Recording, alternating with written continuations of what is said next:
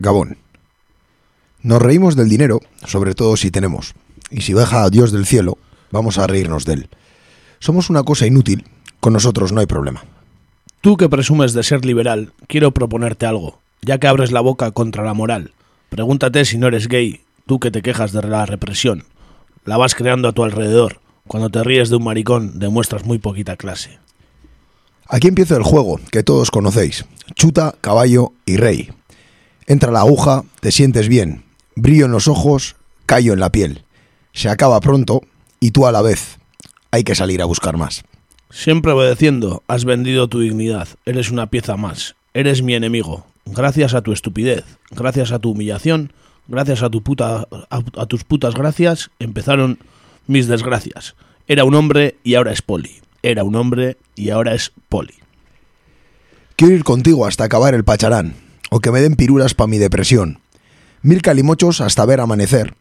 Quiero estar enganchado a una droga legal. Háblame del problema de la drogadicción. Cuéntame si en tu curro peloteas con el patrón. Viva la tolerancia de la revolución. Viva la hipocresía y la madre que nos parió. Lavando el dinero de la mafia, apoyando el fascismo mundial. Amaros los unos a los otros, dice la sociedad. En la cocina, la foto del Papa. Dentro, el auto bandera nacional. Este amuleto ha de funcionar. Lucky man, lucky man for you. Te has imaginado la bañera y electrodos, las hostias, la bolsa en la cabeza, y si eres mujer, la violación. Para acabar bien la historia, si lo denuncias, serás denunciado por calumniador. Como alcalde y buen burgués, tu deber y tu misión es hacer un buen escaparate para comerciar y están de sobra los mendigos que dan mala fama a nuestra ciudad. Y la gente adinerada ya no vendrá a gastar. Echarlos fuera, fuera, dentro, fuera, como una mierda que podrías pisar mientras llenas tu boca con la solidaridad. La solución es una cámara de gas, con los políticos adentro. Somos los nietos de los obreros que nunca pudisteis matar. Por eso nunca, nunca votamos para la Alianza Popular. Ni al PSOE, ni a sus traidores, ni a ninguno de los demás. Somos los nietos de los que perdieron la guerra civil. No somos nada. No, Guten Tag, meine Damen und Herren. Entering the United States. полном основании можно сказать, знаешь что? C'est la lutte contre le terrorisme. Katea ez da eten. Agirre, garaikoetxea, leizaola. Gaur egur. Gaur egur. gaur egur. jolasten eta enredando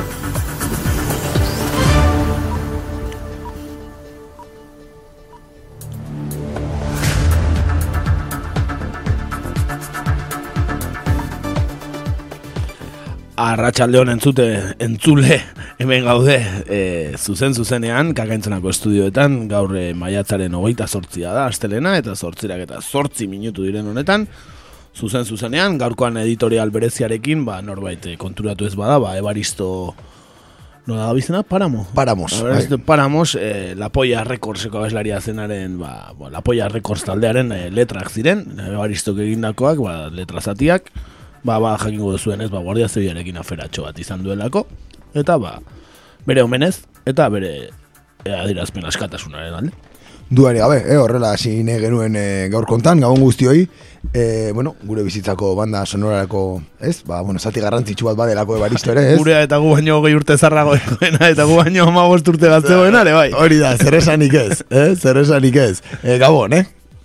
Hau beteta. Bueno, Gabon, bai. se, señale ona da hori beti. Hau eh? bete hort, hau bete hort geratu da letrekin. Jakintzazue ez gara, la inoiz meriendatu gabe gelditzen, gaur egurren. Bai, Eh? saiatzen gara, saiatzen gara. Ba, Batzutan horregatik ikasten gara behan du, baina ez diego egia esaten entzulei da arazo teknikoa dira esaten. Hori da, arazo teknikoa ere bada, ez, gaieta bukatzea, eh? Bueno, ba, esan bezala hementxe gaude, eh? Asterena, zortzirak eta, eta bederatzi eh, dira dagoeneko, eta, bueno, ba, aurrera guaz. Hori da, ba, hasi gaitezen bertan gaurrekin.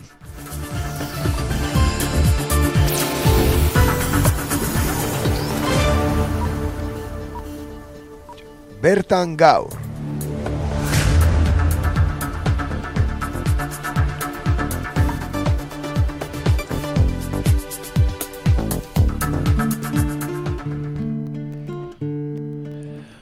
Beno, ba, gaur, bertan gaurren ez dugu askotan egiten, baina gaurkan eh, atzera egingo dugu, historian eh, bidaia. Eta izan ere, ba, hasi dira ja, eh, ba, komunikabidetan San Ferminei buruz izketan, ba, kartela aukeratu zuten aurrekoan, uste dut, orain eh, txupina zoa zeinak botako duen ere hor daude aukeratzekoetan, aukera desberdinetan, eta bueno, ja San Fermietaz hitz egiten hasi direnez, ba urten seguru aski komunikabide gehiena jorratuko duten gai bat ekarri nahi izan dugu komunikabide nagusiek baino lehen, eta hori da, ba, berrogei urte beteko direla urten, ba, iruro mezortziko San Fermin famatua hietaz. Ba, gizuen ez, ba, Germán Rodríguez e, eraile izan zen, eta donostian egun batzuk gerago, Joseba Barandian ere bai. Eta ba, pixkat, e, garai hortako egoera azalduko dugu eta han gertatu zena ba, jendeak oroitzeko edo ez dakienak ba, ikasteko edo ezagutzeko zer gertatu zen bertan. Beraz, ba, iru eta bezortziko San Fermiai buruz itzein Maite zenuen iria, nahi duzure oroitarria, baina batez ere maitiak zure irria. Maite zenuen iria... Mila bederatzerun da irurogeita emezortziko San Ferminetan, Euskal Herriko gatazkarekin loturiko istilu larriak gertatu ziren iruñean eta ego Euskal Herriko beste hainbat e, tokitan. Zeinetan Espainiar poliziak neurri gabe eta bortizkeriaz jokatu zuen. Istilu hoien ondorioz, Iruñan Germán Rodríguez eta Donostian Joseba Barandiaran gazteak hil zituen poliziak tiroz eta marka zauritu izan ziren, horietako asko balaz. Istiluen abia puntua, mila betzen da mezortziko ustailaren sortzian kokatzen da San Ferminetako zezenketa baten ondoren. Espainiako polizia armatua, Iruñeko zezen plazara bortizkeriaz sartzea izan zen, han burutzen ari ziren amnistiaren aldeko pankarta baten inguruko gora bera bat aitzaki hartuta. Poliziaren esku hartzea tentsio politiko handiko giro batean gertatu zen, aurreko hilabeteetan ugari izan baitziren talde parapolizialen erasoak Iruñan. Zezen plazatik, istiluak iruña osora zabaldu ziren eta horietan hiltzen Germán Rodríguez. Istiluak ego Euskal Herriko hainbat tokitara edatu ziren urrengo egunetan. Donostiako istiluetan esan bezala Joseba Barandiaran hil zuen poliziak tiroz ustaiaren amaikan. Maite zenuen iriak, nahi duzure horoitarria, baina batez ere maitia, zure irria. Maite zenuen iriak, nahi duzure horoitarria, baina batez Gertakarien garaian, Rodolfo Martín Villa ezaguna izan zen gobernazioko ministroa, eta bera zen polizien arduraun nagusia. Horrela, Nafarroako gobernadore zibila bere kargutik kendu, eta Iruñeko istuietako polizia buruak leku aldatu zituen. Haren hitzetan, istuioen poliziaren jokabidean, erroreak izan ziren poliziaren jokabideak, baina besteenak berriz krimenak ziren. Entzun dezagun, ba, historiara pasat ziren deklarazio, jo, Rodolfo Martin Villarenak, esan ez, ba, beraiek erroreak egiten zuzela, krimenak besteek. Es necesario que el protagonismo político que claramente tienen los partidos políticos con representación parlamentaria se constituya en un protagonismo eficaz que colabore también con nosotros, que colabore también para la crítica, pero que colabore también con la misma firmeza para condenar unas y otras conductas. Al fin y al cabo lo nuestro serán errores, lo otro son crímenes. 2000 eta emezortziko maiatzean, Espainiako parlamentuak uko egin zion gaiari buruzko e, barne ministerioaren agiri sekretuak desklasifikatzeari, PP, PSOE eta Ciudadanos alderdien bozen babesarekin. Frankismoaren azken garaian, ja da mila bedatzen da iruro eta emeretziko iruñeko Sanferminak giro errebindikatio bizian ospatu ziren. Irurogeita mairuko ekainan langatazka handiak izan ziren eta eundaka atxilotu izan ziren horien ondorioz. Iruñako lagunarteek elkartasuna adierazteko plazaratutako kartel zenbait zentsuratuak izan ziren ere. Jaien hasieran alaitasun giroa hasi bazen ere, uzaren bedatiko zezenketaren ondoren lagunarteek atxilotuen askatasuna askatu zuten pankarta batzuk zabalduz. Bere ala megafoniatik plaza ustutzeko agindua eman zen. Lagunarteek pankartak jaso eta hemen egin zioten aginduari. Mila batzen da irureta malauko eta irureta malbosteko Sanferminak jai giroan ospatu ziren istilu eta gertera larririk gabe. Irurogeita amaseikoetan berriz, Franco Hilda, tentsio politiko bizian ospatu ziren. San Ferminetako ospakizun alaien alde, lagunarteek jaien politizazioaren aurkako mezua zabaldu zuten.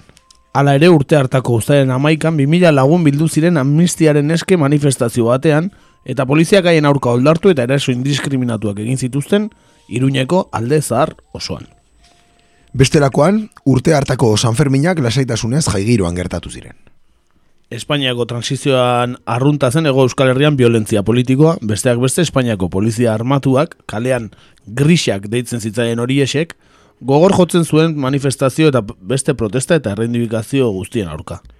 Iruña, nain zuzen, gazte bat hil eta beste bat larriki zauriturik utzi zuen, utzi zuten poliziek, irurogeita mazazpiko amnistiaren aldeko astean. Mila betzen mazazpiko azaroan, etak Joaquin Imaz Iruñako polizia armatuaren komandantea erail zuen. Haren lekua betetzeko, Fernando Ávila Espainiako legioaren komandate inzendatu zuten Iruñako polizia armatuaren buru.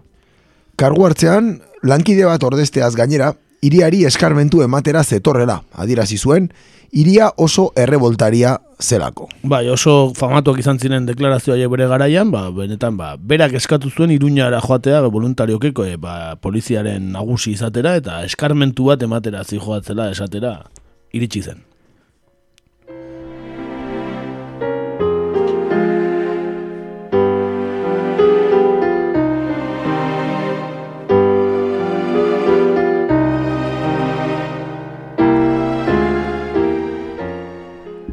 Beno, bat estu inguru horretan, e, ba, ja, mila beratzen da eta mezortzian sartuko gara, eta ba, lehen da bizi urtarriaren amaikan, iruñean, etaren aurkako polizia operazio batean, etakide batzuen eta Espainiako polizien arteko tiroketa bat gertatu zen, eta erakundeko bikide eta polizia inspektore bat hilda suertatu ziren. Irurogeita mezortziko lehen hilabetetan zehar, talde parapolizialetako kidek eraso zenbait burutu zituzten iruñan, abertzale eta ezkertiaren aurka bereziki polizia eta militaren aurkako atentatuen erantzun moduan. Mila batzen eta mezortziko maiatzaren bederatzean, eta Guardia Zibilen, Guardia Zibilaren Land Rover bat pasatzean bomba alertarazi zuen Guardia Zibil bat e, hilda suertatuz iruñean bertan. Horren aldeko hietaren ondoren, istilu larriak izan ziren talde fasista bat, batzuen arabera guerrilleros de Cristo Rey taldekoak, e, iruñako aldezarrera erasoka sartu zirenean. Horietan elekaiko egoitzaaren eta beste hainbat lokalen aurka oldartu ziren eta makiladakadaz eta borraz armaturiko armaturik antzegoen jendaren aurka jo zuten. Istiluotan borroka alatzak sortu ziren. Horietako batean, Juan Antonio Eseberri, Guardia Zibileko teniente ordea, kale jantziekin arma zuriz, zauriturik geratu eta zazpi egun geroago hil zen. Labankada batzuen gatik. Testigantza batzuen arabera, Guardia Zibil horrek zuzentzen zituen istiluak sorrarazi zituen talde parapolizialak, Ilketa honengatik hamarka lagun atxilotu eta horietatik bost espetxeratu zituzten. San Ferminen atarian ekainaren hogeita bostean, lagun arteen ordezkari talde bat itxialdi bat hasi zuen biharamunera arte udaletxean. Antxe ustaiaren iruan, espetxeratuen familia arteko eta lagunak izan ziren itxialdia egin zutenak ustaiaren seira arte. Noiz jaiak hasi behartzinen. Hain zuzen, txupinazoa ezin izan zen bigarren solairutik bota, oi bezala, han itxialdikoak zirelako, eta lehenengo solairutik botazen ondorioz. Udaletxearen fatxadan, alderik alde, San Ferminetarako denak etxera zioen pankarta bat zegoen. Une horietan, Iruñako espetxean matxina txiki bat ere izan zen. Zute bat piztu eta preso batzuek bere burua kolpatu zuten. Poliziak espetxe hartu eta hortik denbora gutxira, eseberriren hilketagatik espetxeratutako hiru preso aske geratu ziren. Uztailaren zazpidea joango gara, e, gertakarien aurreko egunera, bertan launika peinako kideek zezen plazatik ez ateratzea erabaki zuten, peinak, peina hortako launika peinako kide bat, eseberri hauzia zela eta espetxean jarraitzen zuelako. Kanpoan bildurik ziren poliziak zezen plaza indarrez usteko zorian egon ziren, baina azken orduan inungo eskuartzerik gabe erretiratzeko agindua jaso zuten. Gertakari larriak ustaiaren zortzian piztu ziren, esan dugun bezala, gogoratzen ditugun gertakari hauek. Arratxaldean, eguneko zezenketa bukatu zenean, arratsalde gaueko bederatziela orden gutxiak aldera, ba, peinen ohiko atera, ateratzeare hasi aurretik, zezen plazako ba, ondarretan bertan bildutako jendearen artetik talde bat amnistiaren aldeko pankarta zabalduz hasi zen. Beste sektore bat protestak hasi zen eta orduan liskarrak hasi ziren. Itzez, kolpeka nahiz objektuak jaurtikiz. Ura itzakia izan zen berreun bat polizia zezenen sarbietik barneratzeko.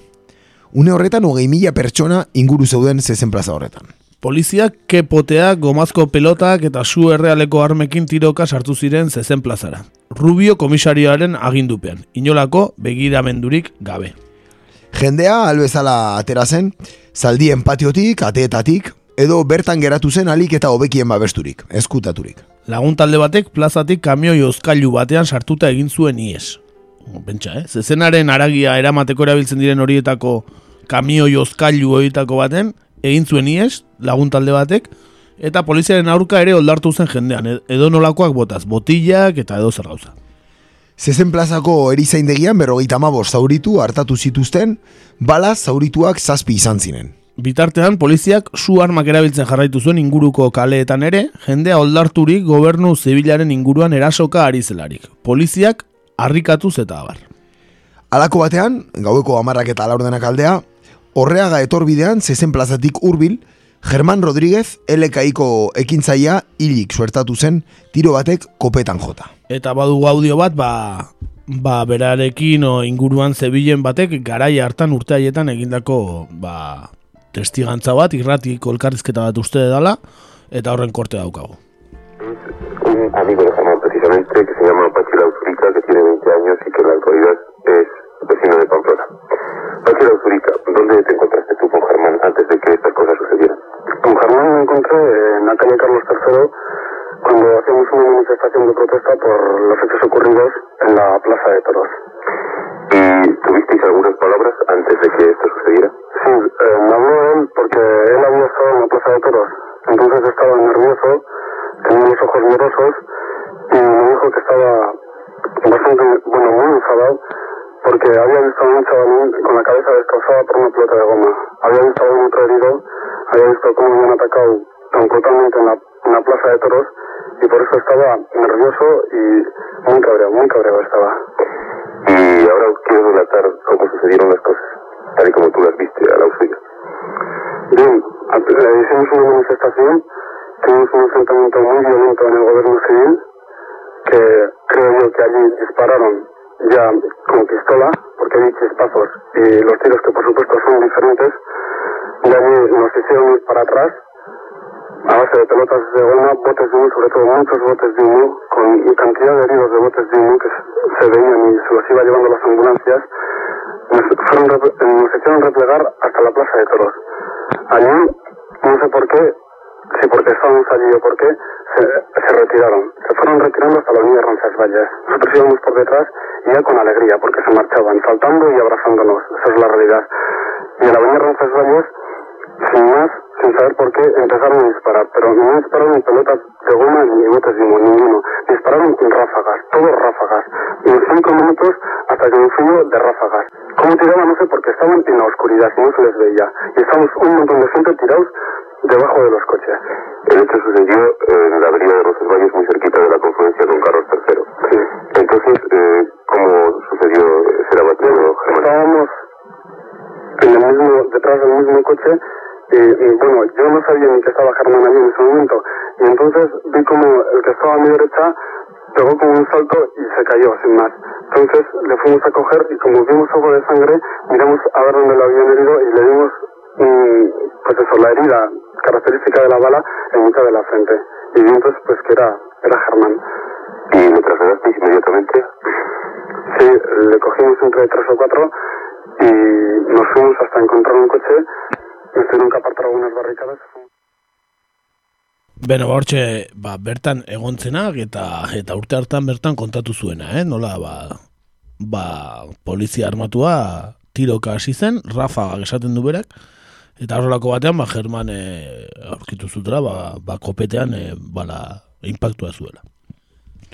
Bai, eta bezala ez, nola ez, ba, rafagaka ez, hasi ziren, rafagaka hasi ziren, eta jendea bakotxen ez, azpi, azpietan ba, babestu zen, baina dena den berak esandakoa, ez? Horrega kale horretan etzela ez gomazko pelotarik egon, ez kepoterik egon, baizik eta zuzenean rafagak, eh, bueno, mm -hmm, erreala egin zutela, vamos. Bai, hori da. Izugarrizko sarraskia eta beste testimugantza bat daukagu urteetara kontatua, ba bertan e, bala zeritua izan zen e, pertsona batena Montxo Ilundainena. Bueno, Beno, saiatuko gara jartzen berriro.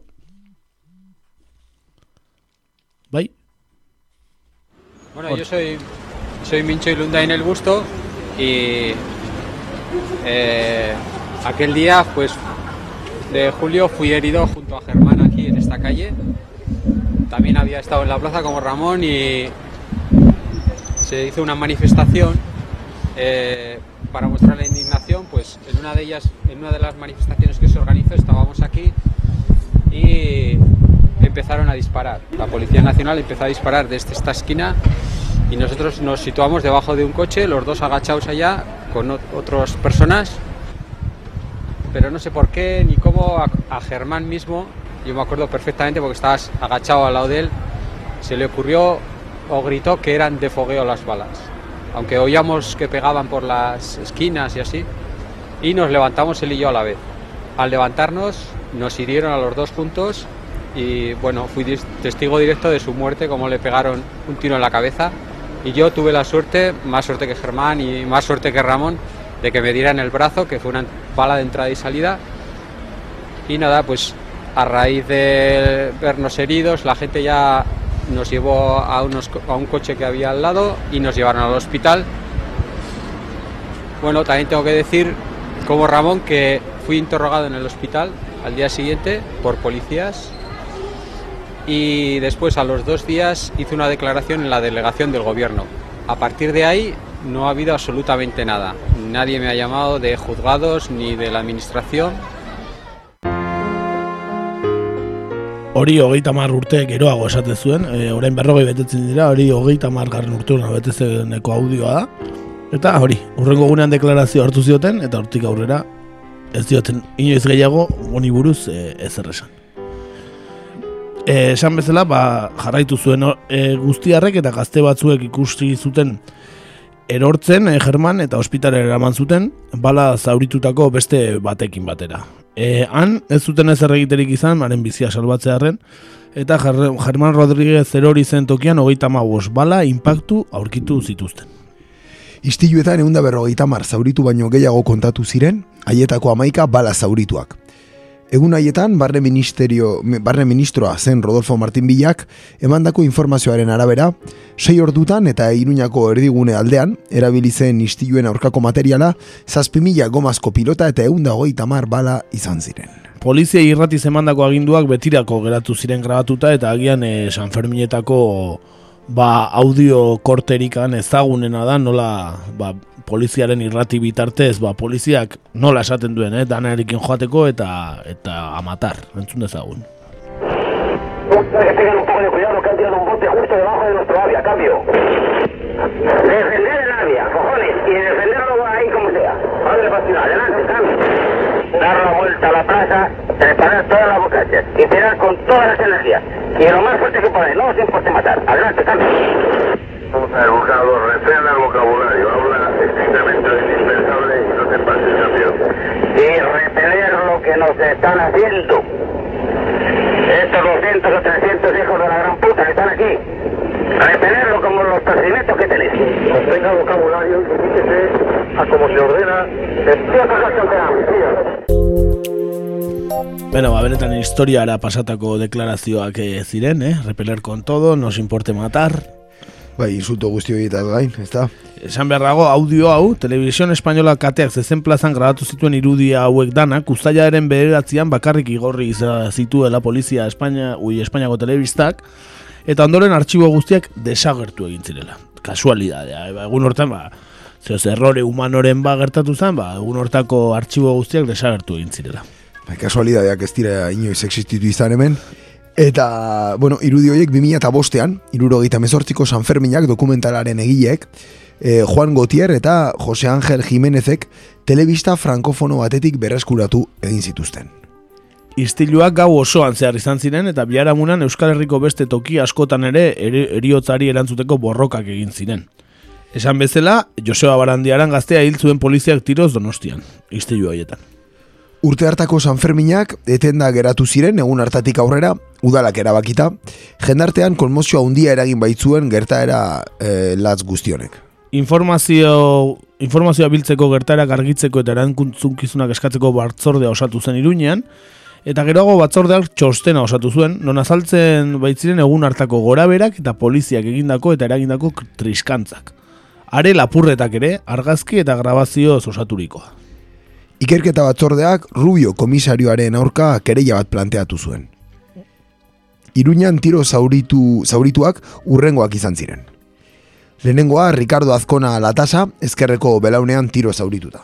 Bai, e, Fermin Ilundain, helen entzun duguna, e, baita ere besoan e, tiro zaurituta. Filip Bidegain, bizkarrezurrean tirokatua. Bi zauritu unibertsitate ospitalean horietakoa izterrean tiro zauritua. Jose Ramon Belez Mendizabal, urdaian zulak, zulaketa jasan zuen. Javier Arteta Pascualek ezkerreko eskuan tiro zauritua. Jesus Mari Barrola Baranda, izterrondoan tiro zauritu zuten. E, Miguel Fernández Díaz de Serio, toraxean, e, ba, biriketan eta tiro zauritu zuten baita ere. Tomas Saso Clemente, gluteoan tiro zauritua. Eta Jesus García Martínez, besoan tiro zauritua. Gertaerak azkenean epaiketari gabe, artxibatu egin ziren. Esan bezala ondorengo egunetan, erantzun handia izan zuen gertaerak, eta ustaien amabian greba orokorrerako deia egintzen ego euskal herrian gertakari orengatik protesta egiteko. Zigor operazio moduan, ustaiaren amairuan, poliziak errenterian neurrigabeko indarrez hartu eta hainbat txikizio eta lapurreta egin zituen herriko kaleetan. Ba, haukagu korte bat, greba hoiek nola izan ziren, ba, benetan e, jendetsuak izan zirelako eta garai hortako irrati bateko korte daukagu. Señores, muy buenas noches. Esta tarde la normalidad es la tónica generalizada en las provincias vascas y en Navarra, tras tres días de incidentes y de una huelga general prácticamente total. Alrededor de unas 2.000 personas se concentraron a primeras horas de esta tarde en la plaza del Ayuntamiento de Pamplona, respondiendo a una convocatoria de la totalidad de los partidos, excepto UCD y AFN. Se ha leído un comunicado en el que, entre otras cosas, acusan al gobierno de deformar la versión de los hechos en relación con las muertes de Germán Rodríguez y José Ignacio Barandiarán piden la retirada de la policía de Euskadi y el establecimiento de responsabilidades claras y concretas, así como garantizar las sanciones a los culpables, la dimisión inmediata de los gobernadores civiles de Guipúzcoa y Navarra y del ministro del Interior y la rectificación de falsas versiones difundidas sobre la muerte de ambos jóvenes. Beno, ba, horixe garai hartakoak eta ba, gogoratu behar dugu, ba, inulako epaiketarik ez duela inorre jaso, e, ondorengo sarraske honegatik, eta berrogei urte geroago ez dela erantzun ofiziali jaso inungo instituzioetatik. Gogoratu baita ere, ba, Argentinako justiziak e, frankismoaren aurka daukan kerella horretan e, sartuta dagoela, iruruta betu dortziko San Ferminetako gertakaria, Eta besteak beste Rodolfo Martin Villa epaitzea dutela helburu e, iruruta mezortziko biktimek. Hemen daukagu Fermin Rodríguez, Germán Rodríguezen anaia, eta ba, bere valorazioa ba, Argentinako kereia irik izenean, eta zer espero zuen hortik edo, zer ameste zuen espero baino gehiago. Zun dezagun Germán Rodríguezen anaia Fermin.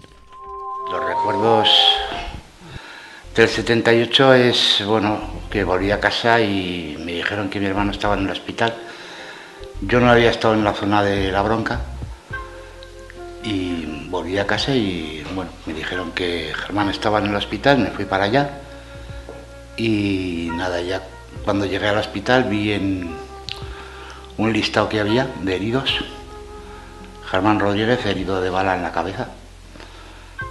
Bueno, me pasaron a una sala antes de, esperando que vinieran otros familiares, a Germán no se le podía ver, por supuesto. Y y nada, estuvimos en el hospital hasta las una y media de la mañana, que es cuando ya se dio como fallecido a Germán. Y nada, yo volví a mi casa, bueno, que yo vivía entonces con mis padres, yo era un chaval. Y volví a mi casa y mis padres no pudieron llegar de la bronca que había.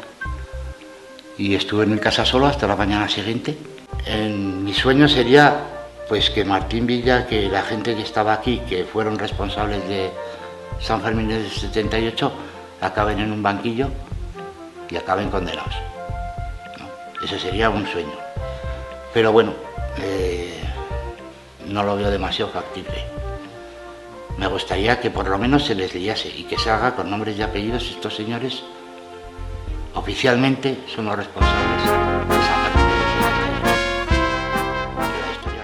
Bueno, lehen esan bezala, hilabete honetan, Espainiako Kongresuak atzera bota du, eh, irurogeita mezortziko San Ferminetako gertaerak argitzekoa, ba, bueno, Nafarroako parlamentuak hau batez egindako eskaria. Esan behar da, ba, e, Nafarroko parlamentuak bon, proposamen hau UPNek, PSN, geroa baik aldu GH Bilduk eta Ezkerra ere bozkatu zutela alde, eh? Euneko laro eta masia, galderdi popularra bakarrik ez zuen bozkatu alde, Nafarroko gobernuan, baita UPN eta PSN ere. Ineditoa, eh, desde luego.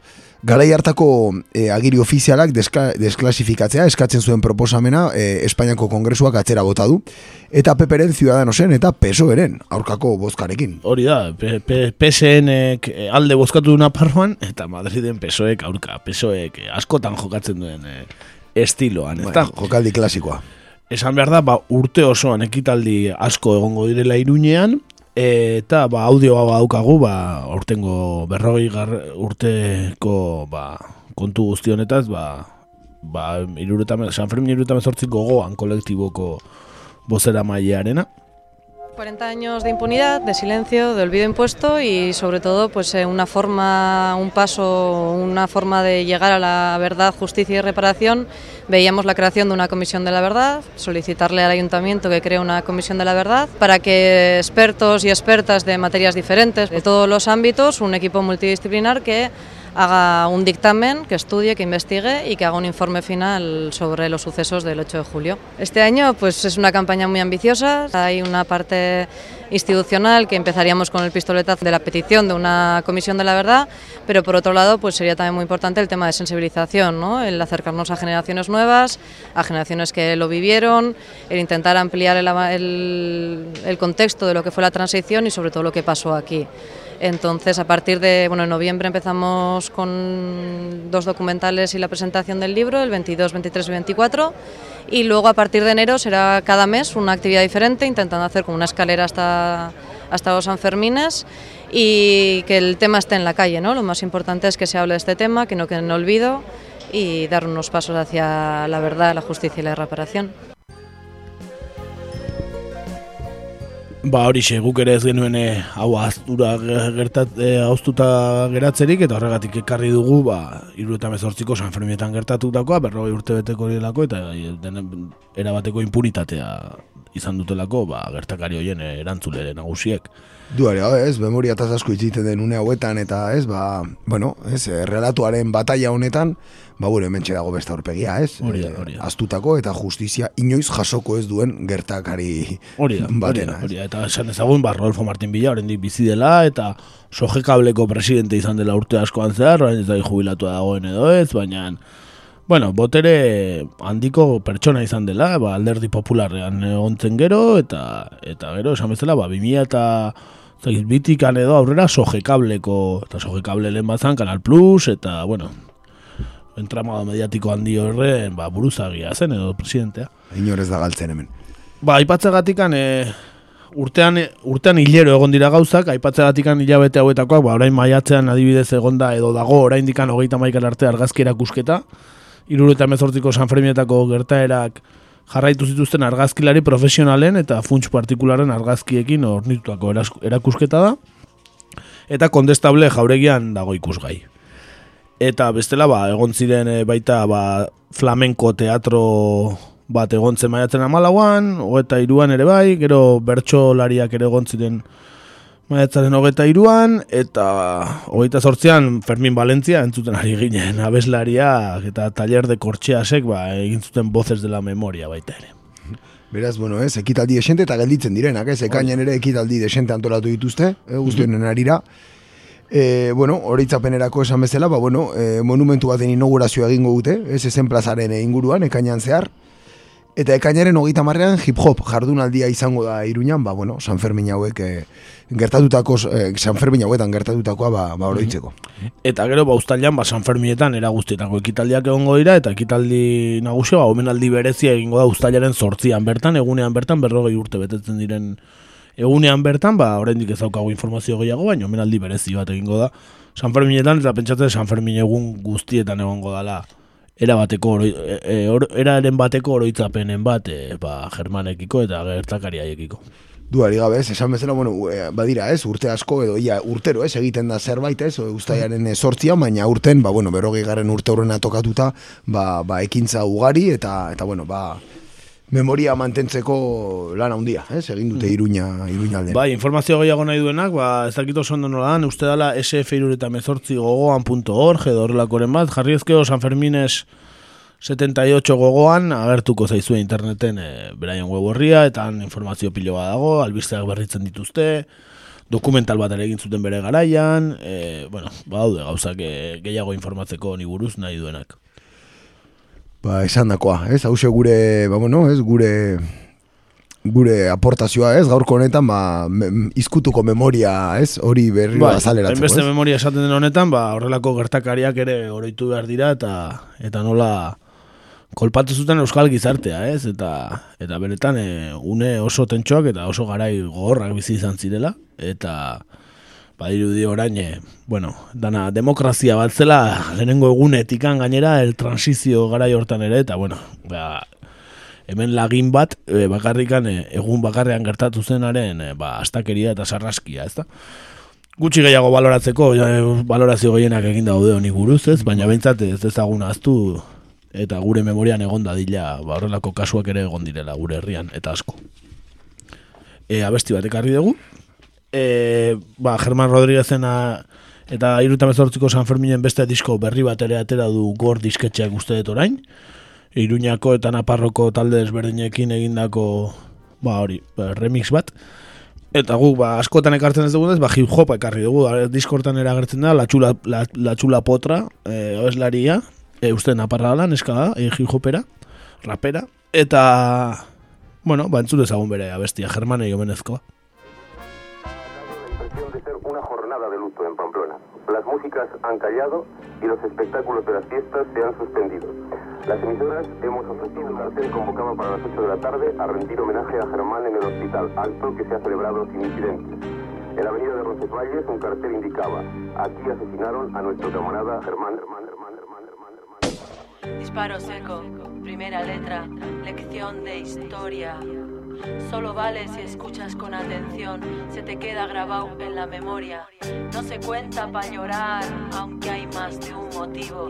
Es por no olvidar, por aprender de lo que otros han vivido.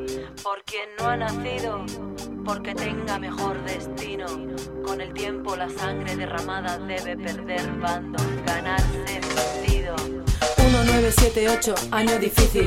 Régimen latifundista sembraba democracia de fachada, lo dijo el viejo antes de morir. Había que dejar España atada, bien atada. Policía armada, el poder te guarda la espalda. Que puede piedra contra ráfaga de bala. Suspendieron la fiesta, la vida, la esperanza se hizo el paredón en la barricada. Ese día Germán pagó la ronda de todos. Poco valen los corazones solos. Se lo cargaron por todo el morro. Mensaje claro, andaos al oro. El del gatillo era un mierda. El que la pana partía con orificios de entrada. Su cortijo patria constituía. Muerte en asfalto, política de alcantarilla. Comisario, gobernador, ministro salvaron el tipo. Nadie dirigió el capítulo. Fácil echar la culpa a un legionario muerto. Como si la irresponsabilidad no fuera delito. Si el sistema tiene miedo, carga las armas de sus perros. Manda a matar y esconde la mano. Escupiendo japo impune sobre sus putos códigos de cuento. Los estados no tienen ética tienen intereses, no conocen el sentimiento de la peña, solo su DNI, su cuenta corriente. Cuando está en peligro el negocio del poder, les da igual prostituir valores y leyes. Lágrimas de gente nos invitan a banquete de reyes. Barato te sale matar a un pobre jugando en el equipo de maderos y matones. Esto es una puta carronada.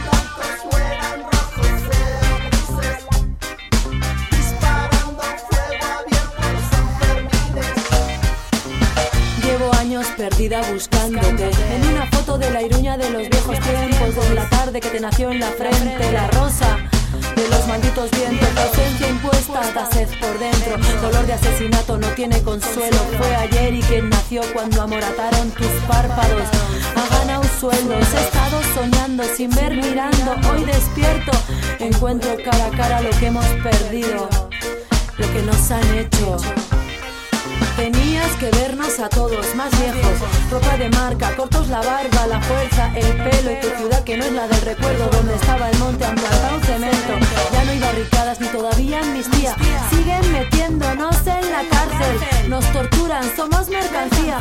Sale más caro luchar en la calle.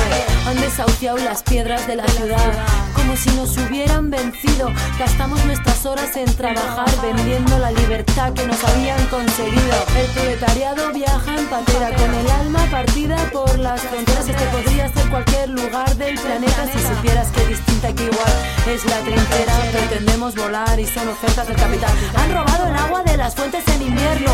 Los niños ya no salen solos a jugar. Prohíben lo que decides tú y lo tuyo por decreto. El rollo en el IPE, el universo en un sofá. Poco miramos adentro a imaginar ese sueño que es solo nuestro. ¿Qué nos pasa? Que vamos a mayores. A veces me parece que en la garganta llevo un cepo. La fiesta se tiñó de gris. La fiesta se tiñó de sangre. La fiesta se tiñó de gris. La fiesta se tiñó de sangre. A pesar de todo, el sol y la luna siguen mirándose en el cielo. Todavía quedan bancos donde comernos a besos. El río refresca en verano.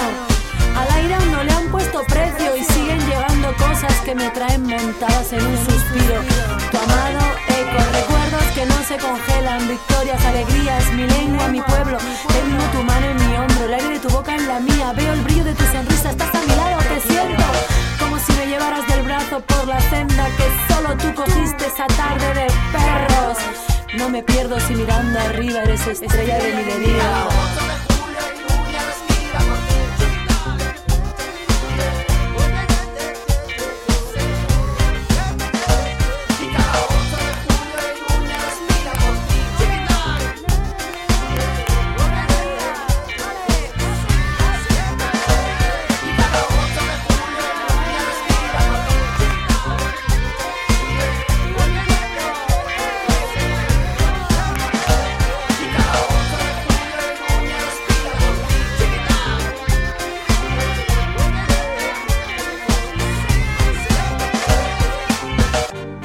Bederatzireun da irurogeita mezortziko uztailaren zortzian. Gaueko amarrak eta hogeien. Bakarriko eta urte zitun. The 8th of July, 1978. 20 past 10 at night. He was only 23 years old. 8 de julio de 1978.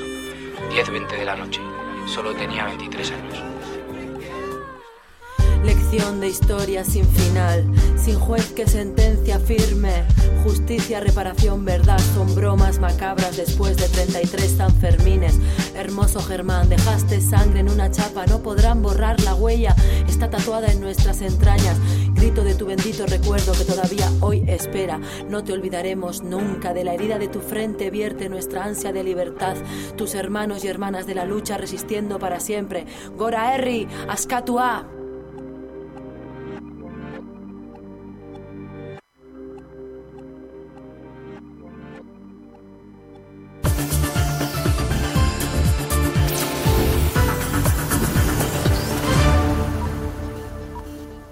nazio artean gaur.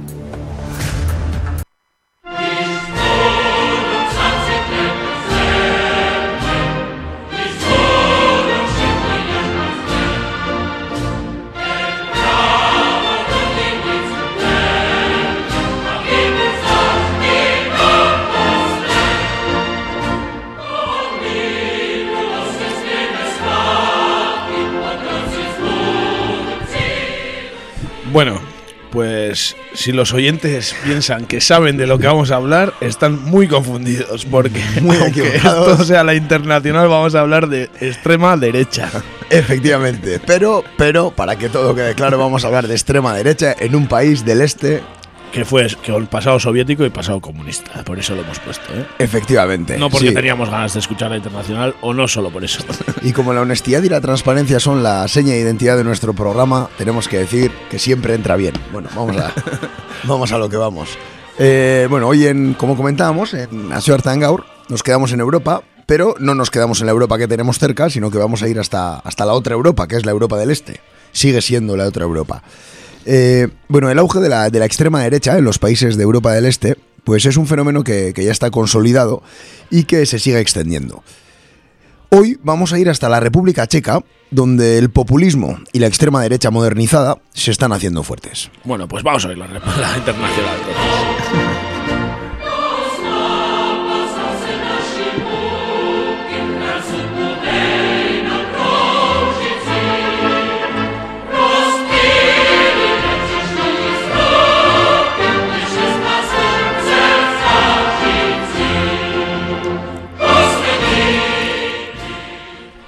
Y es que en comparación con la Hungría del presidente de extrema derecha, que es más o menos conocido Víctor Orbán, o de la de Polonia del partido Dignidad y Justicia, la República Checa da poco de qué hablar. Sí, a pesar del poco eco informativo que tuvo en los medios de Europa del Oeste, las elecciones del pasado mes de octubre llevaron a la cabeza del gobierno a Andrei Babis. Babis es un oligarca que se sitúa entre las personas más ricas del país y que creó su propio partido hace ya unos años. Y la pregunta es, ¿cómo ha llegado este acaudalado empresario a ser primer ministro? Para encontrar una respuesta adecuada a esta pregunta es, es fundamental realizar un análisis de la situación en la que se encuentra la República Checa.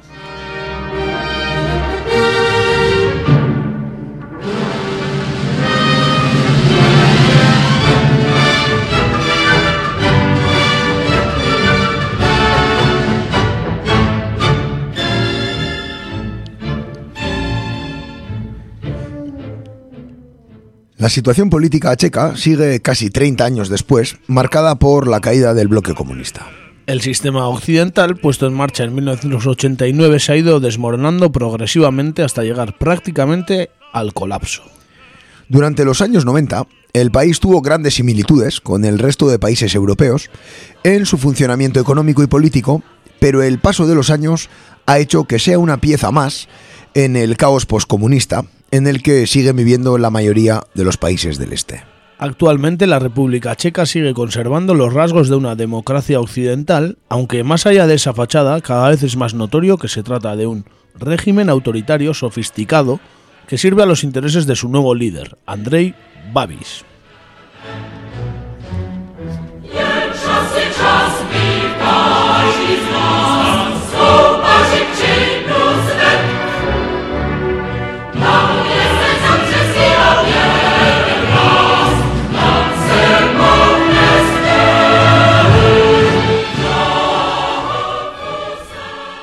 Andrei Babis es un empresario de 63 años, nacido en Eslovaquia, que comenzó a forjar su fortuna en el negocio de la agricultura y la agroquímica. Fue responsable de la adquisición de mercancías estratégicas para el antiguo bloque del Este. Tras el desmembramiento del bloque comunista, utilizó su privilegiada situación y sus valiosos contactos para expropiar la empresa nacional eslovaca de agroquímica Petrimex, que pasó a convertirse en el centro de su propio grupo industrial, Agrofert. Tras aquella maniobra fue creando un imperio comprando otras empresas estatales liquidadas e infravaloradas. La siguiente etapa de su lucrativo negocio consistió en empezar a comprar propiedades agrícolas privadas y cooperativas y en amasar una ingente cantidad de dinero procedente de las ayudas europeas.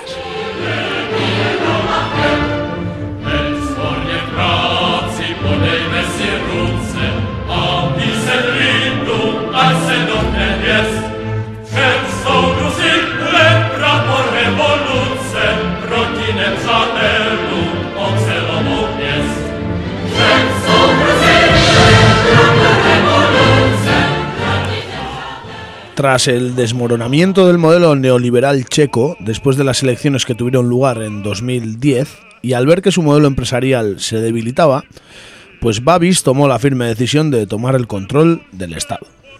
Sí, constató que la ganga poscomunista estaba llegando a su fin y que su influencia estaba en peligro, porque todo el andamiaje político de la República Checa estaba a punto de desmoronarse. Tomó buena nota de las, demandadas, de las demandas ciudadanas que exigían una alternativa política frente a una clase dirigente salpicada por la corrupción y comprendió perfectamente que él podría comprar esa, esta posición de principal alternativa a lo establecido. Todo ello, a pesar de haber sido él mismo uno de los vectores que habían provocado la corrupción de la clase dirigente. Tras constatar los magníficos resultados que los movimientos populistas obtuvieron durante las elecciones de dos- 2010, decidió entrar en la arena política creando su propio partido. Acción de los Ciudadanos Insatisfechos, le llamó. Compró algunos de los medios de comunicación más influyentes y contrató a algunos de los responsables de relaciones públicas más ágiles. De este modo, y aunque lo básico de su procedimiento pueda resultar incluso absurdo, creó una imagen de solución alternativa al sistema corrupto. Todo ello un año antes de que Donald Trump decidiera ra- dar el salto a candidato.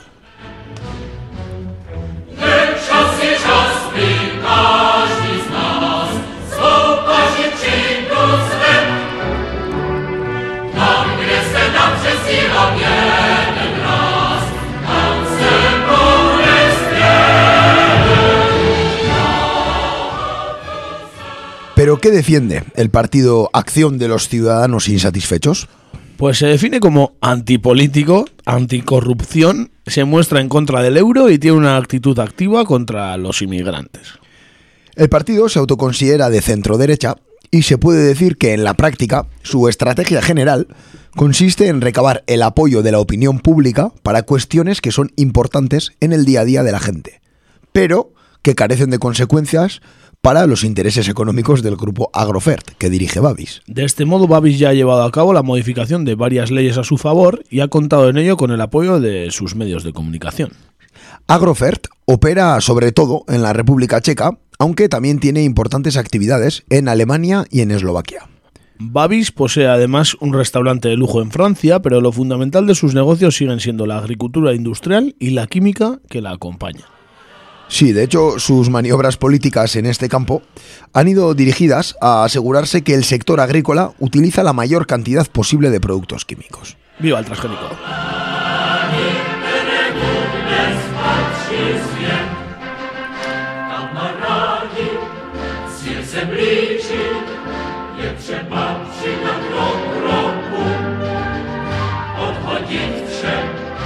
co nas widzi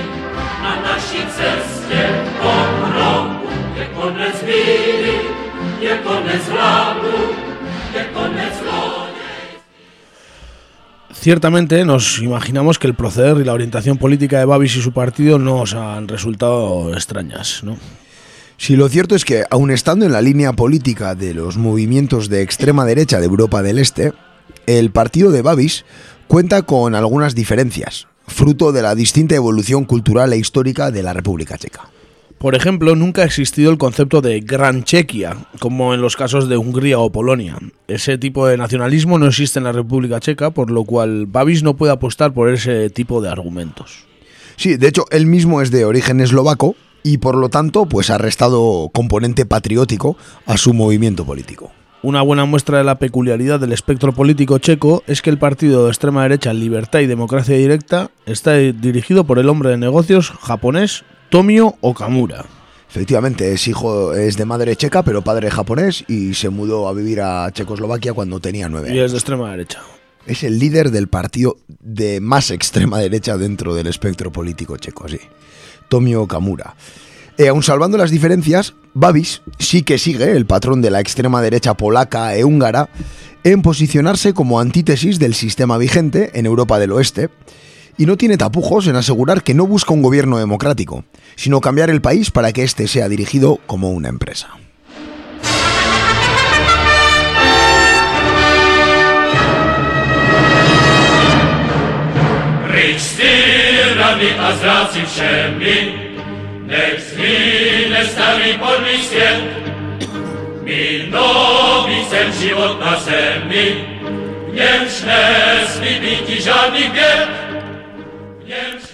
Un factor determinante de lo que ocurre en la República Checa y en general en los países de la Europa del Este es la no interior- interiorización de su población del modelo de Europa del Oeste. Sí, por una parte, la falta de voluntad y de eficacia de Estados Unidos y Europa a la hora de integrar a estos países en su tablero ha tenido un papel muy importante. A raíz de ello podemos decir que a día de hoy estos países son más semicolonias del sistema occidental que parte del mismo.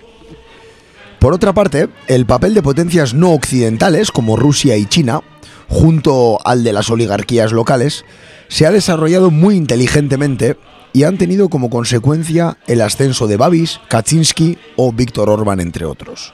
En lo que a la situación económica actual se refiere, a excepción de la clase oligárquica, que es minúscula y desmesuradamente rica, y de las clases acomodadas que sobre todo viven en las grandes ciudades, la mayoría de la población ve como su situación ha ido empeorando constantemente y vive con el miedo constante a gastos inesperados a los que no pueden hacer frente.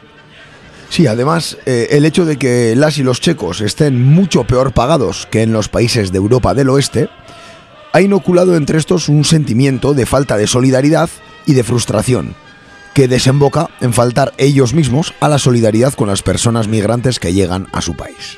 Y Andrei Babis, como buen populista, ha sabido muy conscientemente cómo aprovechar toda esta situación.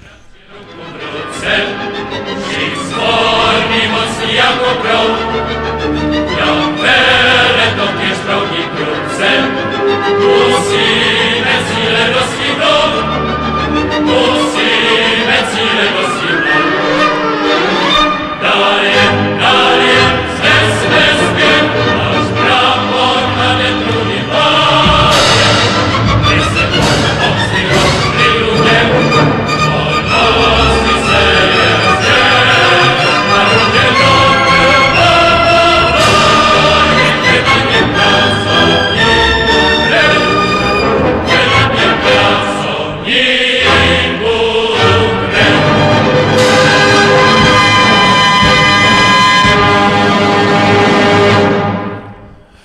Bueno, eso ha sido un Final apoteósico, ¿eh? La verdad es que... Bueno, pues qué decir de André Barbis. Pues la verdad es que una vez más, ¿no? En otro país, ¿no? De Europa del Este, en este caso muy silenciado, ¿no? Eh, porque no ha tenido casi eco, ¿no? Lo que ha ocurrido en la, en la República Checa, al menos en los medios eh, occidentales, vamos a decirlo así. Eh, pues bueno, otro partido de extrema derecha que, que llega, que llega al poder. Y, bueno, ya son varios, ¿no? Son varios y lo que antes era, eh, pues bueno, eh, los países del bloque soviético, ¿no? Pues, pues se han convertido en el caldo de cultivo de la extrema derecha, ¿no? Por muchos factores, ¿no? Por una nefasta gestión, eh, obviamente, de, de los países occidentales, pero también por la discriminación dentro de la propia Europa que esos países han sufrido, ¿no? Las condiciones de vida son mucho peores que en el resto de países de Europa del Oeste y, bueno, pues eso da cancha a que un populismo de extrema derecha se apodere de las instituciones, ¿no?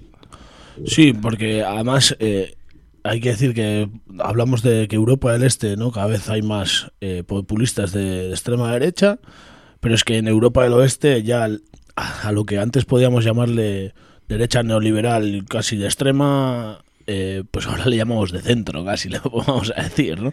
Entonces, eh, claro, decimos en Europa del Oeste todavía la extrema derecha tampoco ha llegado a, potas de, a cotas de poder, como puede ser el Le Pen. No podemos decir lo mismo del Estado español, porque lleva gobernando más de 15 años la extrema derecha, ¿no? Pero Efectivamente, ¿no? En el caso de Austria, ¿no? Donde la extrema derecha eh, ha ganado las elecciones en más de una ocasión, o incluso en Holanda, ¿no? Donde la extrema derecha ha sido el partido más votado en, en, muchas en ocasiones. Austria, ¿no? Ahora mismo también es eh, extrema derecha, ¿no? Efectivamente, en Francia mismo la extrema en, derecha En el Italia quieren hacer un gobierno ahora entre el movimiento de Beppe Grillo que ya trajimos aquí con la Lega del Norte, ¿no? Que también son de ultraderecha. eh, así que vamos, no es solo un fenómeno de Europa del Este y tampoco es solo de Europa, porque no hay más que ver quién gobierna en Estados Unidos o en más duda. sitios también. Sin ninguna duda, ¿no? Y yo creo que, y es algo que hemos comentado más de una vez en nuestro programa, ¿no? Que ha llegado el momento, y hace ya unos cuantos años que llegó ese momento, de redefinir el concepto de extrema derecha, ¿no? Porque todos tenemos en mente el concepto tradicional, histórico de la extrema derecha de ideología fascista, ¿no? Eh, personas de ideología fascista que se corresponden igual más al perfil que puede tener, por ejemplo, el Frente Nacional eh, en Francia, ¿no? Antimigración, eh, ultraprotector a nivel, ¿no? A nivel eh, territorial. Donald Trump también es eso. Efectivamente, pero yo creo que ha llegado el momento de añadirle una variante que hasta ahora no se ha tenido en cuenta, y es que es la extrema derecha que mezcla el populismo fascista con lo que es realmente el neoliberalismo económico más, más brutal, como es el caso de la República Checa o el caso de Estados Unidos, ¿no? La extrema derecha ya no es eh, esa extrema derecha histórica donde había una cierta consideración para las clases populares, porque en realidad eso también era parte del fascismo, ¿no? No, eso se ha terminado, ¿no? Ahora la extrema derecha tiene un carácter, en muchos casos, más económico que ideológico, vamos Sí, a decir, ¿no? Ultraliberal. Efectivamente. Ultraliberal que da la casualidad que luego son las clases populares las que les dan el voto, ¿eh? Eso es la, la gran contradicción de este momento en el mundo. Hombre, sin ninguna duda. Y bueno, tampoco son casualidades, ¿no? Se van creando caldos de cultivo, ¿no? Pues como por ejemplo se ha creado en la República Checa y en todos los países de la era postcomunista, ¿no? Eh, bueno, a todos esos países en Europa Occidental en general se ha vendido que, que, bueno, que después de la caída del bloque comunista eh, a esos países había llegado la prosperidad del sistema occidental. Y nada está más lejos de la realidad, ¿no? Sí, y hay muchos a los que lo- los que vivieron la época soviética hay muchos que la añoran y los que no la vivieron no la añoran porque no la vivieron y, se creen que todavía era peor de lo que lo viven ahora, pero los que lo conocieron hay muchos que que creen que, bueno les engañaron al decir que su sistema era el equivocado y el, y el que iban a imponer ahora que iba a ser el mejor y iba a ser próspero para todos y parece que la gente se ha desencantado bastante. Sin ninguna duda, ¿no? Ahí están las encuestas, alguna vez también ya hablamos de ello, ¿no? Era prácticamente más del 50% en todos los países que habían pertenecido al bloque, al bloque soviético, ¿no? Eh, en algunos incluso llegaba casi al 80%, ¿no?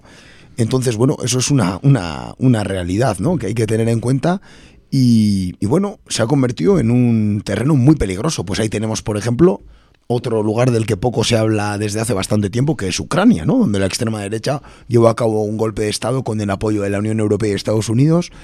Y, y bueno, y ahí sigue. Ahí, sigue, la guerra, ¿no? Siguen en batalla. ¿o no? Siguen en batalla en, en Ucrania, eh, tras haber depuesto a un presidente elegido democráticamente eh, por medio de un golpe de Estado, ¿no? Entonces, bueno, ese es el panorama en Europa del Este y parece muchas veces que no interesa mucho, ¿no? Hablar de ello, sobre todo, bueno, en los medios que tenemos alrededor, ¿no? Estado francés, español, eh, Alemania, ¿no? Inglaterra, no, no, no se habla mucho de esto, ¿no? Tampoco interesa mucho. Europa del Este, bueno, solo hablamos de Rusia y poco más cuando nos interese, ¿no? Cuando, cuando vayan a cerrar el gas por alguna guerra de Ucrania o alguna, ¿no? El, el grifo del gas, entonces igual empezamos a hablar un poco de aquello, pero si no, no, no nos acordamos mucho. No está en la agenda, ¿no? Siempre está Venezuela y, y Cuba. Corea del y Norte, Corea del Norte. Irán, ¿no? Últimamente Irán, sí. también, ¿no? Bueno, ese es un poco el caso, ¿no? Y ahí luego, pues hay potencias como, bueno, sobre todo Rusia, ¿no? Que han sabido jugar muy bien sus cartas, ¿no? Eh, tenemos que tener en cuenta también que, bueno, eh, Vladimir Putin y su partido se pueden catalogar como un partido de extrema derecha, con ciertas peculiaridades, pero con coincidencias muy amplias con, con estos partidos eh, como los de Hungría o los de Polonia. Tampoco podemos obviar que son todos eslavos también, ¿no? Y tienen, pues, tienen cercanías culturales, de idiomas y demás, y al final también, pues entre ellos también, pues se miran más a, entre ellos que a- hacia Europa Occidental, a lo mismo que hacemos nosotros aquí, ¿no?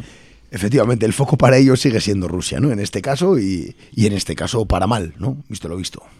Sí, porque, bueno, el, el modelo Putin también se está exportando. Podemos decir que el modelo Trump se está exportando en Occidente, pero bueno, se ve que el modelo Putin también se, se está exportando en, en, en Europa del Este, ¿no? Sin, sin ninguna duda, además. Y bueno, pues una vez más hablamos de extrema derecha y, y hablamos dentro del territorio europeo, ¿eh? No nos hemos ido muy lejos. Sí, sí, y bueno, y además, bueno, lo vamos a dejar ahí, pero tiene ahí el frente agroquímico que ya tiene que ser ya la guinda del pastel. Sin ninguna duda, ¿no? El, bueno, creo que actualmente es el, el hombre con más patrimonio de toda la República Checa. Creo que su patrimonio está valorado ahora mismo en 4.800 millones de dólares. Entonces, hasta la idea. Vamos, Este que exporta bastante su producto químico también, ¿no? Sí, tienen eh, bastante negocio con Alemania, por ejemplo, eh, y obviamente con los países más limítrofes, ¿no? Pero Alemania es, creo, su, su mayor baza. ¿eh? Bueno, haceros una idea. Bueno, pues hemos ido hasta la República Checa también. Ya nos quedan pocos países que visitar en este programa. Todavía quedan, ¿eh? Hay muchos países en el mundo. Todavía- sé que de Bután no hemos hablado, por ejemplo. Eso es, ¿no? Tenemos un mapamundi no físico, pero sí mental, ¿no? Aquí en Gauregur. Y bueno, vamos poniendo una cruz, ¿no? Sobre los países de los cuales hablamos y en general solemos volver, ¿no? Porque muchas veces, pues, la actualidad obliga, ¿no? Sí, exactamente. Pero bueno, ya iremos a otros países más exóticos y menos conocidos también alguna vez. Eso es, y a ver si es para hablar de algo más positivo que todo Eso esto. ya está, eso ya está más difícil. Eso es. Hemos traído una canción y como no teníamos ningún grupo de la República Checa conocido y lo que hemos buscado no nos ha gustado demasiado, pues hemos traído un grupo alemán que hace frontera con la República Checa Alemania y mira, pues eh, con esa razón hemos traído un grupo que nos gusta bastante más, que es Jingo de Lunch y vamos a escuchar ese grupazo alemán y volvemos luego.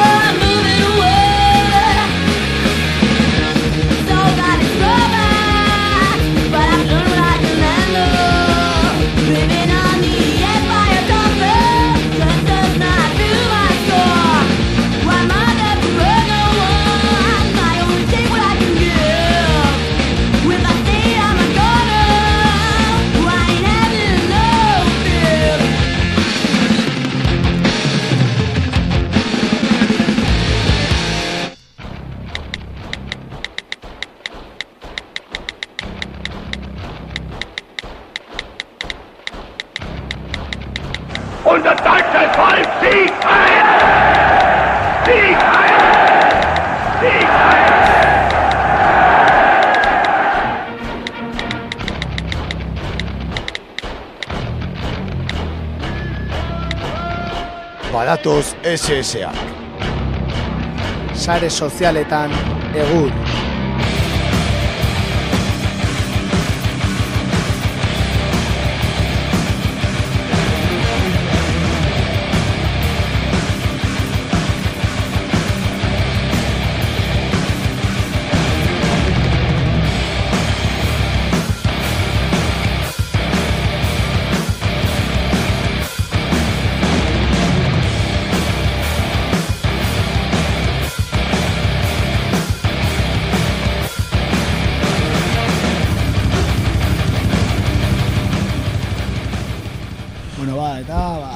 Sare sozialetara paso egingo dugu.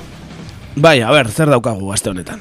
Ba, sare sozialek eman dutenekin, ba, ebaristoren inguruan hasiko gara, eta ba, ebaristoren inguruan, ba, txio gehien izan direnak, ba, bere abestiak izan dira, denbora guztian, ba, lo llaman democras- democracia y no lo es, Ellos dicen mierda, nosotros no diremos amén.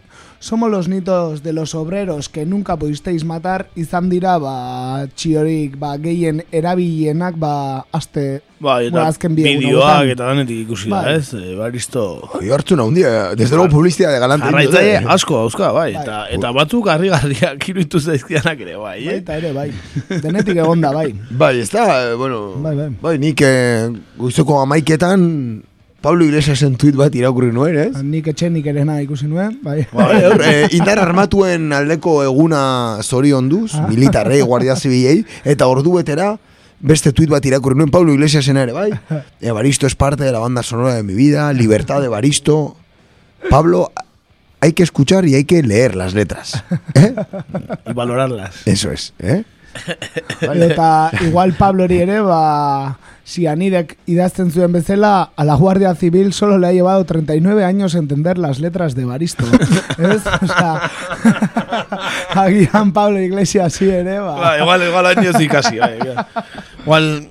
Igual, ondioz du arrapau, bere, ebaristoren humore fina igual ondioz du arrapau, eh? No la ha Pablo. pillado, eh? Hostia, ba, bai, tu zuzenak, eh? Ai, ai, que... Ba, nik ikusi baita ba, Ar- Arnaldo Tegirekin, argazki baten, eta... Nik ere, hor, bai. Eta- Ez zarra zen argazki hori, bai. Eta harritu, Bai, ikusi nuen. harritu nago adibidez, Joni Narritu, EH Bilduko parlamentaria, Zait, ez, ez dut ikusten oso musika punk zalea, hola, ez zait inoiz iruditu, hola. Igual danak euki dugu gure gaztaroa, eh, hori agirz du, baino, nik ez dakit, ez dut ikusten, eh, Baina bota du, eh, inarritu haide. bai, bai. Eh, herriari ebaristo edo erregearen aldeko eh, bozkaketa bat Ah, bai, egitea, eh, erreferenduma, eh? eskatzea bezala bota du. Hori bakarri falta du, Evaristo errege, eh? Oia, fantazara, ez, Bere eh? letra batetan botatzen du gainera, ez? Hombre, nik ez dut ikusten, yo, es una chica ye, ye, ye, no le veo, eh, cantando, a Iñarritu, no le veo. No, no le veo. Vamos a dejarlo ahí. Nik ez da, nik ez da. Baina, bueno, baina, bueno, harritu ina, baina, bueno, aizu, jakizu, igual eh, bere amerikana eta txaketa guzti horien atzean, gero igual eh, punk bat ezkutatzen da. Nor daki, eh? gaur egun asko saltzen dira, ez, kite iponeko kresta hoietakoak, ez da? Bai, bai, bai. Eta Ramonesen kamiseta baita zalan, eh? Ba, hori da, hori da, bai, bai, bai, bai, dudarik gabe, vamos. Ya lo creo. Bueno, jarraituz, musikatik ez gara mogituko, baltoniken gana joango gara, eta horrela ematen zion agur Espainiari. Mañana es el día, mañana van a tumbar la puerta de mi casa para meterme en la cárcel. Por unas canciones. Mañana España va a hacer el ridículo una vez más. No se lo voy a, no se lo voy a poner tan fácil. Desobedecer es legítimo y obligación ante este Estado fascista. Aquí no se rinde nadie. Apa Baltonik, lehen Vale, vale, Baltonik, bere, abizena, ui bere abesti bat jarri genuen bukatzeko, esan ez aste honetan tokatzea dola gartzelara sartzea, Bueno, ba, ez da gartzelara sartu eta behonde jola, sartzeagatik. Duari, ah, ez, entzun nuen berreun egalditik gora, ez, erreserbatua zituela jendeak, eh? bere izenean. Bere Bai, bai. izenean, bai, jendeak eh, erosiak, eh, eh, Espainia guztiko, penintxula guztitik ba, jende ezberdinak, erositako bileteak zituen, bai. Baltonikak aukeran, ez? Eta gero seguro kotxen juntala, eh? Ah, seguramente, seguramente. Edo barkuan Mallorcatik, bai, bai. Ah, Mallorcatik, gano, igual eta Ah, Mallorquiarra, ah, bueno. Bartzelonan eta ere ibili da, ez? Azken Ba, kaleratu zuten, hain dela hiru aste, ja, eh, alde egin omen zuela, o, bueno, badakizute hemen, eh, Bai, denetik esan. iturri... Ja, bai, iturri polizialak dituzten iturri e, e, zera, ge? O, e, komunikabideak? Hori da, urez betetako iturri hoietatik, Jo, edaten ze ko- dutenak. komunikazio zuzena haukaten komunikabide batzuk iturri polizialekin. Eh? Ikaragarria. Pasada, bat. nik uste goizero elkarrin gozaltzutela. O, Bai, ez? sikiera batzutan la razoneko artikulu bat irakurtzen zu, eta inspektoreak sinatzen du behan. Bai, bai, ko- komunikazio zuzena. Bueno, ba, bejonde jola baltoniki, eta segi dezala to, dagoen tokitik, ba, hautsak arrotzen eta eta kontzientzia gastintzen. Eta egurra partitzen, karo, Hori bai. da. Bueno, ba, jarraituz, Euskal Herrira itzuliko gara, Jonathan Martinezen txio batekin, eta honela dio. El PNV apoyará los presupuestos de Rajoy para contribuir a levantar el 155.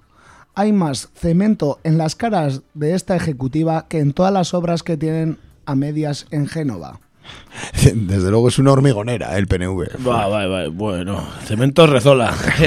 Hauke horpegia. Hostia, eh, bata besten atzetik, eh? Ba, egia esan, eh, hainbeste gauza pasai da azkenen aste honetan, azkenen ja, ia gaurko, ia aztuta dan egin zaigula, ba, ba, presupuestoak onartu dituztela PNV-ren laguntzarekin, nola gero zentsura mozioa etorri den eta abar eta abar, eta eta Podemoseko entxaleta, ba, hainbeste gauzen arten, ia, ia aztuta egin zaigun, ez eta lehenengo bi egunetan Twitterren eta bestela ere ba, reakzio asko egon diren, ez, ba, PNV-ren ba, lehenengo eta behin e, hitza jantzuela, be, gero, e, hori, Euskaldunon hitzari buruz e, Twitter asko, ez dakitela nik, informatu azanik Euskaldunon hitza. Bai, desde luego, bai, nik ere, ez dakit nuna asmatu zuten, baina esan, esan zuten, bai. bai, bai, ba, lehenik eta baina ez nekila infamosa zela Euskaldunon hitza, e, te, tipiko, tipiko topikazo badala. Eta gero, bueno, PNV gau egitea norbait harritu baldin badu, ongi etorri euskal politikara.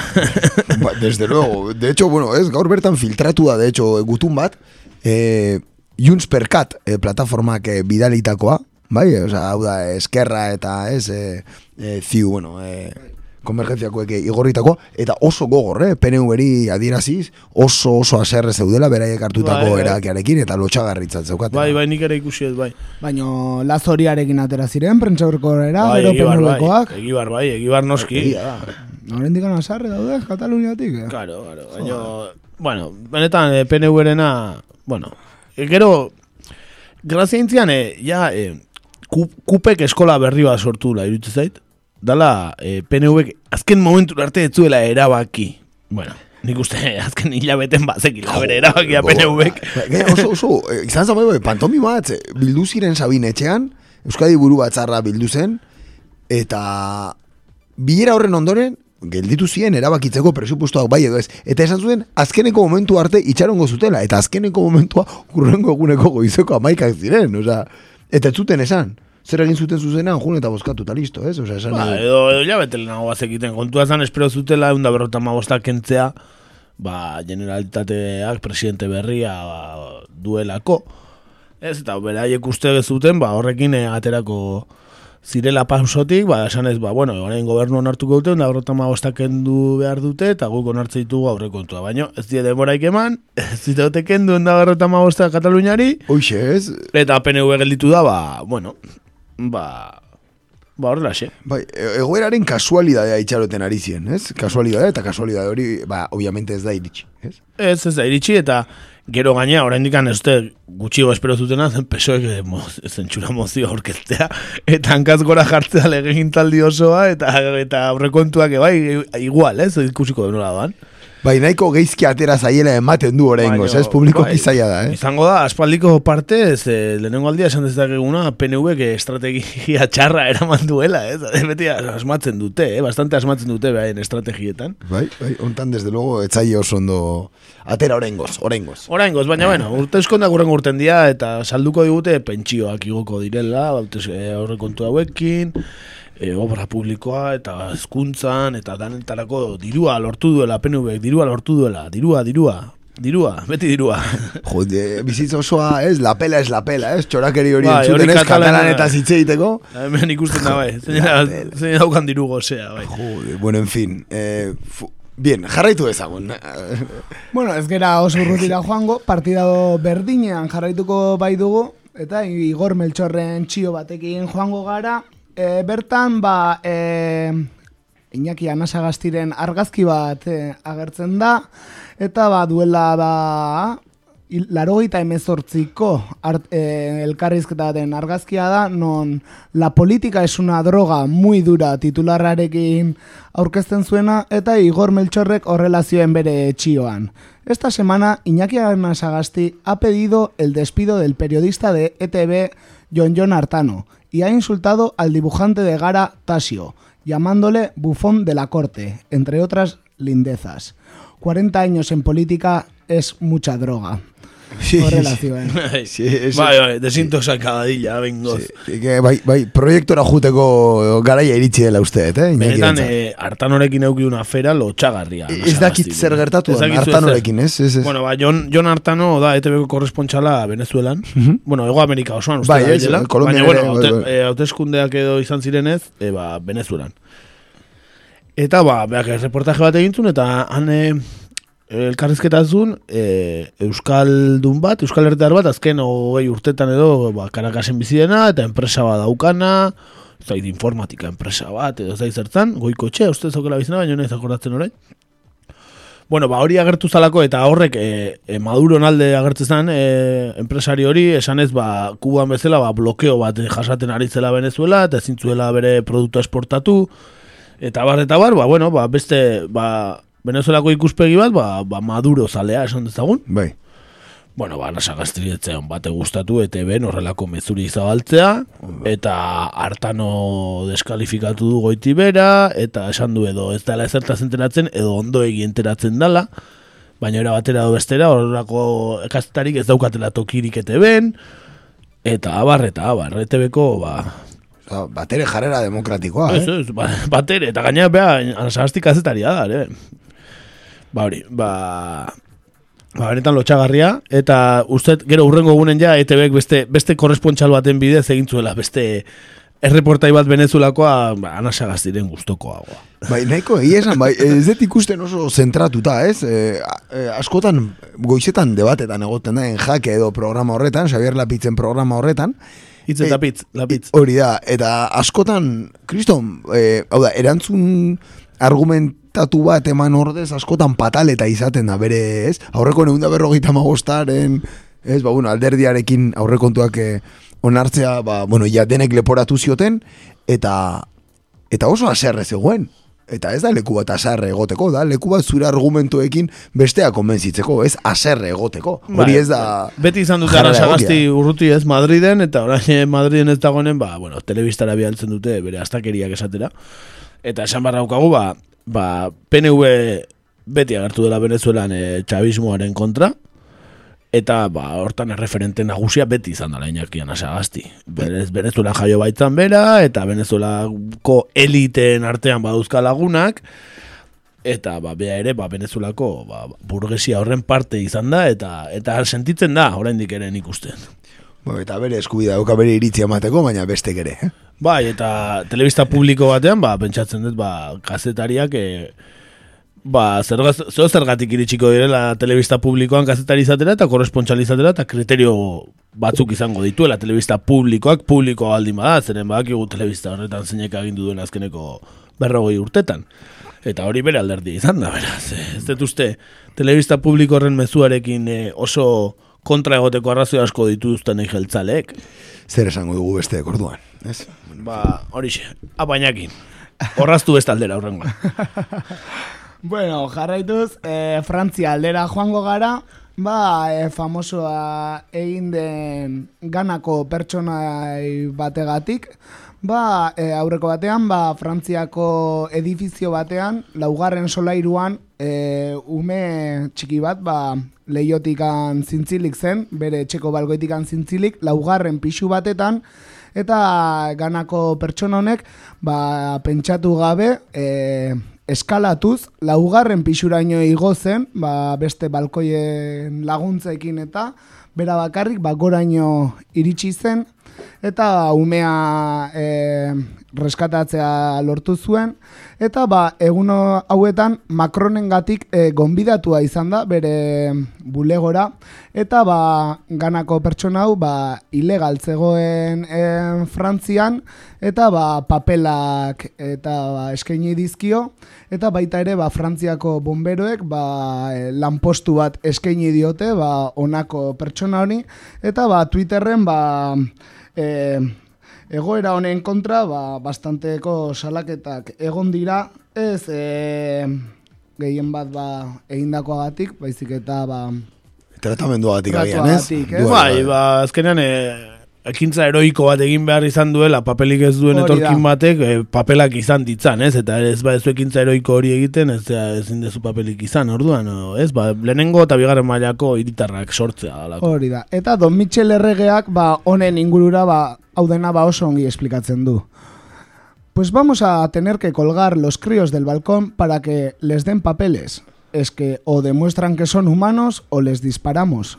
Ez ba, Duari gabe, ez? Gainera, eh, oso kontestu eh, a- bueno, amarillista bat izan da, ez? Macronek jaso du esan ez, eh, eta eh, Pariseko alkatesak ere, ane Hidalgo korrela esan du, ez? Ze valentia demostratu duen, eta ze pertsona integroa, hau da, pertsona batera bere herrialdetik gerra zegoelako, gurutzatzen du desertua. Iristen da, bueno, eh, herrialde guztietako polizien tratutxarra jaso ondoren. Gurutzatzen du Mediterraneoa bere bizitza jokatuz, iristen da Frantzira, eta balkoi batea igotzen ez baldin bada, Ez diote ematen da. ze, Ez daka, e, ez, ez valentiarik eta ez da pertsona integro bat. Bueno, mesedez, ez? Bai, benetan lotxagarria, ba, benetan, ba, berdiro, postureoa eta emigranten e, etorkinen e, ba, egoerarekin jolastea da. Ez, eta, ez, e, gero gaina salduko dute, beitu zer ondo hartzen ditugun gu kanpokoak, eh? bakarrik baudela kanpoko batzuk, eh, etortzen diena lapurtzera eta gaiztok dianak eta oioi ez. Baina oioi dia uneko laro eta bosta. eh? Hori da, ez? Hori da, olakoa gertatzen daren da, betxu, baina bat bazegoen, eh? Ona zana. Bai, ez? eta horri eman genion, baita bombero jefe jarri genuen, bombero plantan. Ez daga izenik. Mesedez. Por cierto, gogoratzea, pasaren urtean estatu frantsesak Macron presidente izan da, hogeita zazpi mila pertsona baino gehiago espulsatu egin zituela. Begira. Datu moduan, eh? Ba, baina bueno, ba, bakizue, ba, e, Don Michel erregearen txioari jarraituz, ba, umeak dituzuen guztiak, e, lotu arneson batekin umea jarri zintzilei balkoitik, eta igo dadila etorkin bat, eskalerakin jarriko dugu arnesakin bai, ez zan minik hartu inorrek, eta gero argazki aterako dugu, eta venga, ber papelak ematen dizketen. Da, balio badu behintzat, eh? Apuntatzen gea. Bueno, ba, eta ba, amaitzeko, ba, e, grazia egin digun txio bat, eta ba, horrekin amaituko dugu, robozen e, txioarekin, eta honela. Prospera la moción de censura. Se convocan elecciones. Gana Ciudadanos con aplastante mayoría. Estalla una guerra civil. Morimos todos. Las cucarachas gobiernan el mundo. Una cucaracha funda cucachanos. Vuelta a empezar. Kukatxanos terminoa da, e, bikaia. Eh? Kukatxano, tío. Eta, eh? Ba, bai, ba, egia esan, bai, eh, egia esan, eh, badirudi historia errepika egiten dala, eh, eta eh, agian, ba, beste gerra zibil bat izango dugu, ez? Hogeita maseiko gerra bat izango dugu mende honetan ere, zeren, bueno, eh, ribera bat badaukagu ja, ez, ultra astintzen, ez? Orain eh, eun urte baino gehiago bezala. Bai, bai, bai, itxura nahiko txarra daka, eh? Riberaren planteamendu Bai, bai, guztia, hau, ez? solo veo españoles, ¿está? Solo de españoles. ¿eh? Las gafas de la españolidad. Mientras Rivera ve españoles, nosotros ve- vemos evaristos, ¿verdad? Bai, bai, ¿Eh? hobeto, hobeto, bastante hobeto. Bueno, ba, bai, ciudadanos eta noiz betitzen marko de gure, bai, eh, benetan, eh, hartzen nahi dan diskurso, aurrekoan uste entzula diskurso bat, nun konparatu duten Primo Riberaren diskurso batekin, eta, ora, eh, ba, igual, igualak, eh? Es bastante primo el Rivera. Bai, bastante primo, bai. Bastante primo. José Antonio Alberto, Primo de Rivera. Bai, zoze igual ikusi barko dugu, ez? Demoraldia amaitu aurretik analizi bat egin barko dugu. E, txekiaren nahiko antzekoa izango dela, susmoa dakat. Eh? Bai, bai, bueno, bueno, kukatxanos, hori horkatzen da, eh? Kukatxanos, bai, bai. La cucactitud. Hori da. Eh? A tope. Muy cookie. Ba, Muy cookie todo. Oso ondo, ba, besterik ez, ezta?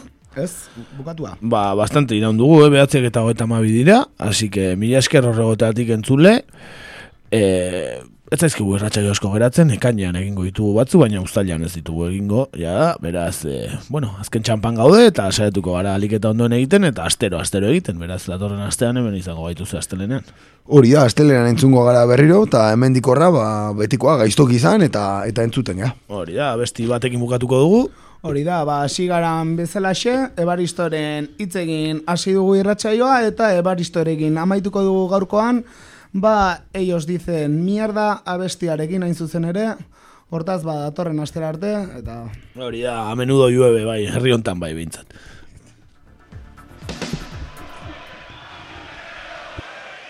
Los mayores también. Le llaman democracia y no lo es. Le llaman democracia y no lo es. ¡Ale, ale, ale! ¡Ale, ale, ale! ¡Es mierda!